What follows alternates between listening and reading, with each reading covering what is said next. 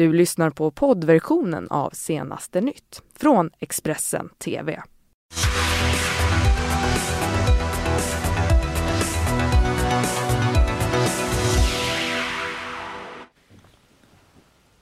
God morgon och välkomna säger vi här. Eh, ni tittar på senaste nytt. Det har hunnit bli torsdag. Vi tittar ner i datorn och där står det den 11 juli. Jag heter Johanna Gräns. Och jag heter Karin Bülow och det här är morgonens huvudrubriker. Efter extremhettan i Europa nu väntas kraftigt regn med svåra översvämningar till följd. 18 år sedan David Isak fängslades, men ingen journalist har försvunnit i Eritrea. Ja, det säger landets informationsminister till Expressen.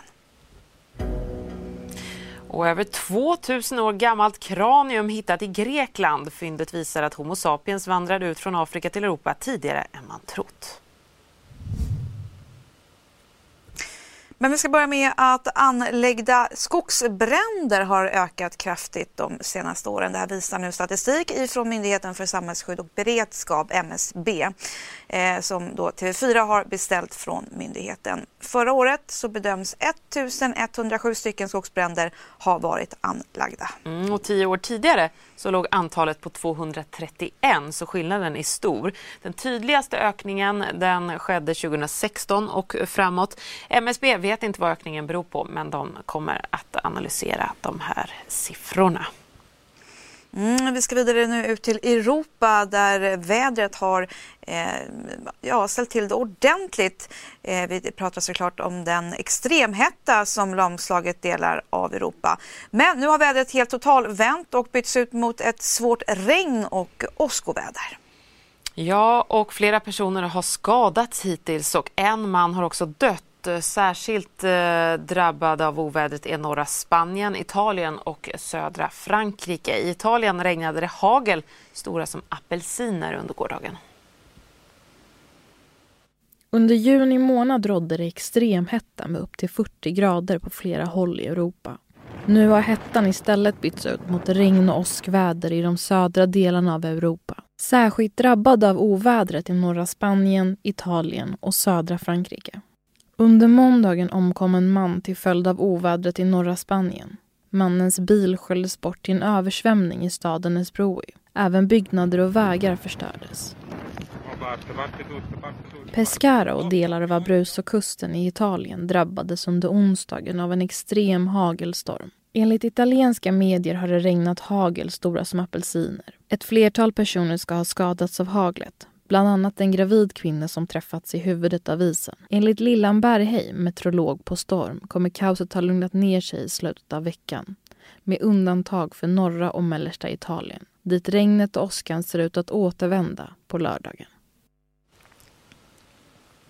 En eh, 16-årig pojke i Halland har nu dömts för sexuellt utnyttjande, eh, förlåt, sexuellt ofredande, sexuellt eh, övergrepp eh, mot barn och försök till våldtäkt mot barn. Det här skriver Hallandsposten. Händelsen inträffade på ett badhus i slutet eh, av mars i år och enligt då det här åtalet så ska pojken bland annat ha fört en 13-årig flickas hand till sitt kön, dragit undan bikinitrosorna på henne och försökt våldta henne.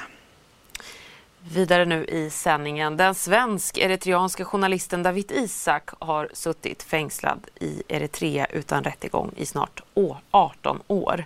Landet har undertecknat ett fredsavtal med ärkefienden Etiopien. Sanktionerna har hävts och gränsen är säkrad. Men David sitter kvar i sin cell. Mm, det gör han och hans familj här hemma i Sverige vet inte om han lever eller är död. Eritreas eh, informationsminister eh, Jamein eh, Gremeskel säger dock till Expressens Kassem Hamadeh att Sverige inte har rätt att fråga eh, om David Isak. Det var i september 2001 när hela världens blickar riktades mot vad som hände i USA. Så slog polisen till mot flera hem här i Asmara, Eritreas huvudstad och arresterade flera personer. En av dem är den svenska eritreanska journalisten David Isak. Det har gått 18 år sedan han greps. Han har inte blivit ställd inför rätta och regeringen har inte gått ut med en officiell anklagelse mot honom. Däremot man har läckt ut till medier, lokala medier här, uppgifter och beskrivit honom som förrädare. In the first place, Dawit is an Eritrean. He may also have a Swedish uh, nationality. That's a different matter because we allow yeah. dual citizenship. But he was an Eritrean. That's why he was granted uh, uh, the license to publish uh, a local newspaper because that license is not given foreigners. And he's been indicted for a crime he committed here, and it's not a simple crime. It's what I said earlier.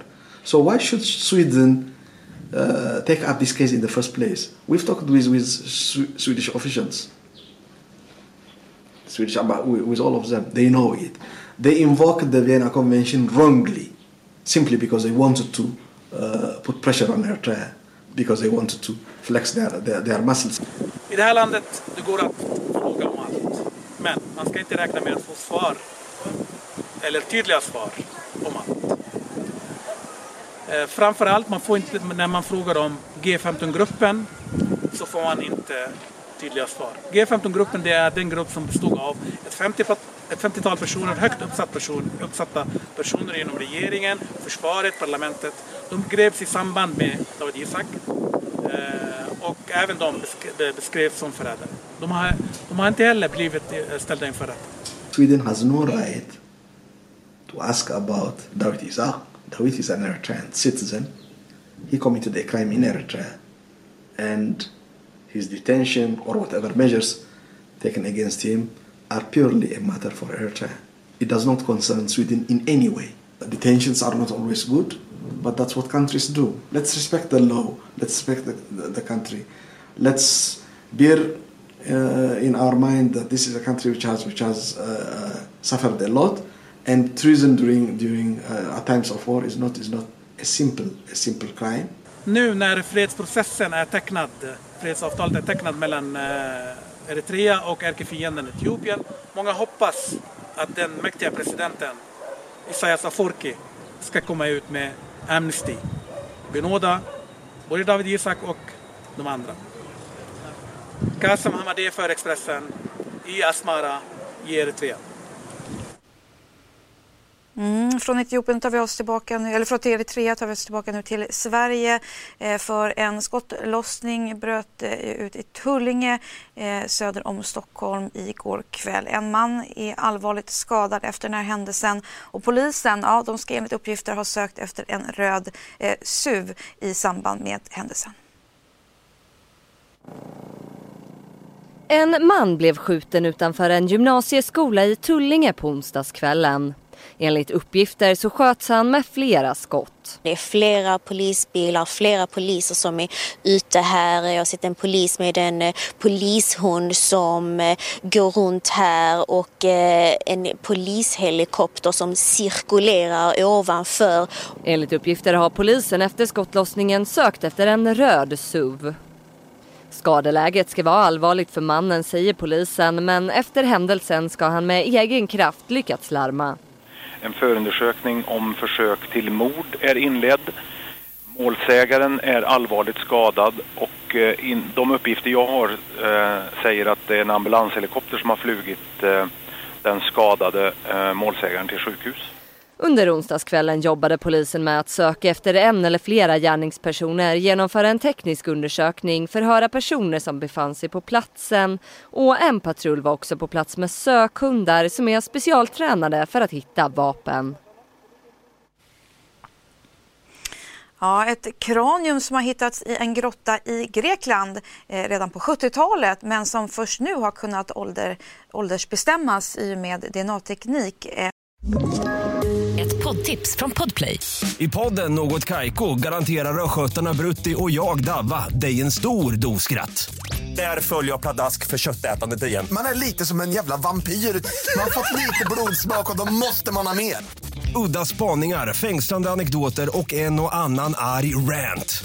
Jag måste ha mitt kaffe på morgonen för annars är jag ingen trevlig människa. Då är du ingen trevlig människa, punkt. Något Kaiko, hör du på Podplay. Därför är gardinerna.